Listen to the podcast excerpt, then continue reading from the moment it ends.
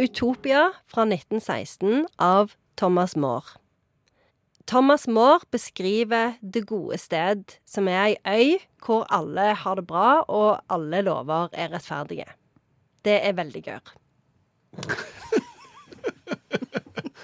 Det er hele boka. Det er kanskje den verdens gørreste bok.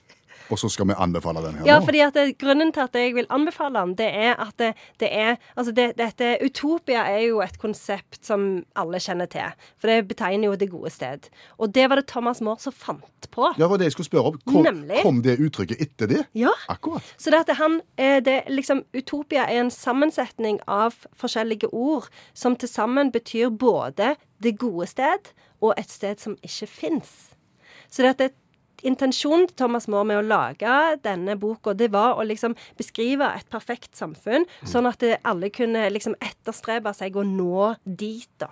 Men hvorfor, når du skal beskrive det perfekte sted, klarer du å gjøre det så gørr? Ja. Det burde jo vært en festbok av en annen verden, der de spilte Phil Collins og Genesis fra åtte om morgenen til tolv om kvelden, og det var full fyr i teltet, og alle hadde det kjekt. Ja, det er nettopp det. Men for at, ja, for det, må være et telt, tenker du. Ja, det kan være full fyr i andre ting òg, men eh, det, det Ja, men det er et veldig godt poeng, fordi det, det er lettere å snakke om det som er kjipt, eller lettere å lage en god historie om det som er kjipt, enn det som er bra.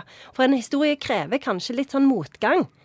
Sant? Når du begynner på en film eller ei bok, så er det kanskje noen som har det greit. Men så skjer det et eller annet. Fordi sønnen i huset finner plutselig ut at eh, Han ikke skal like Phil Collins. Ja, ja. Og da blir det jo litt konflikt, for faren elsker jo Phil Collins.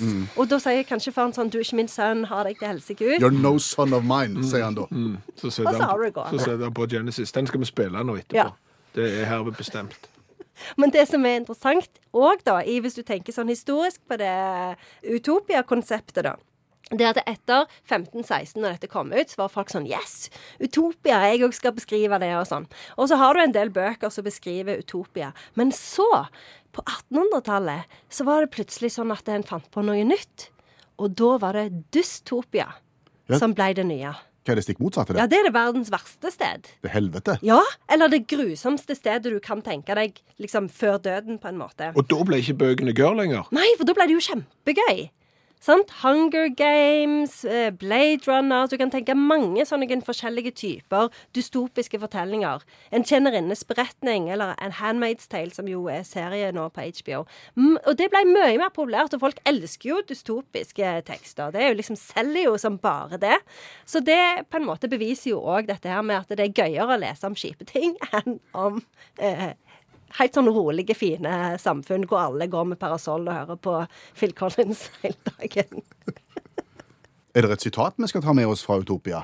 Det er jo ganske mange kjente sitat om liksom hvordan du skal lage For det, det skulle jo være en slags sånn oppskrift da, som folk kunne følge på hvordan du skulle lage en god start. Så det er jo mange sånn tips og hint på en måte som du kan bruke.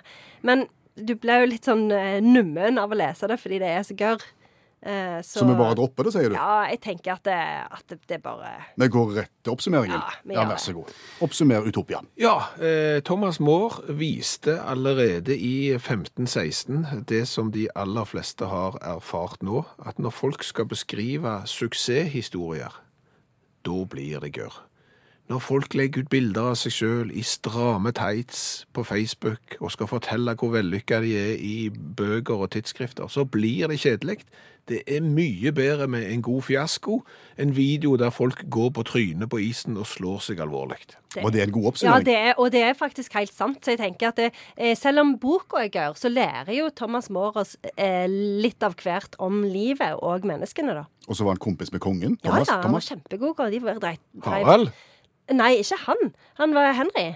Ja, så de reiste på sånn jakttur og Salig for en gjeng. Det var en god tid å leve. Tror du jeg kan bli konge en dag, spurte Thomas. Nei, det er utopisk, sa. Ren utopi. Tusen takk, Janne Stigen Drangsholt, forfatter og litteraturviter.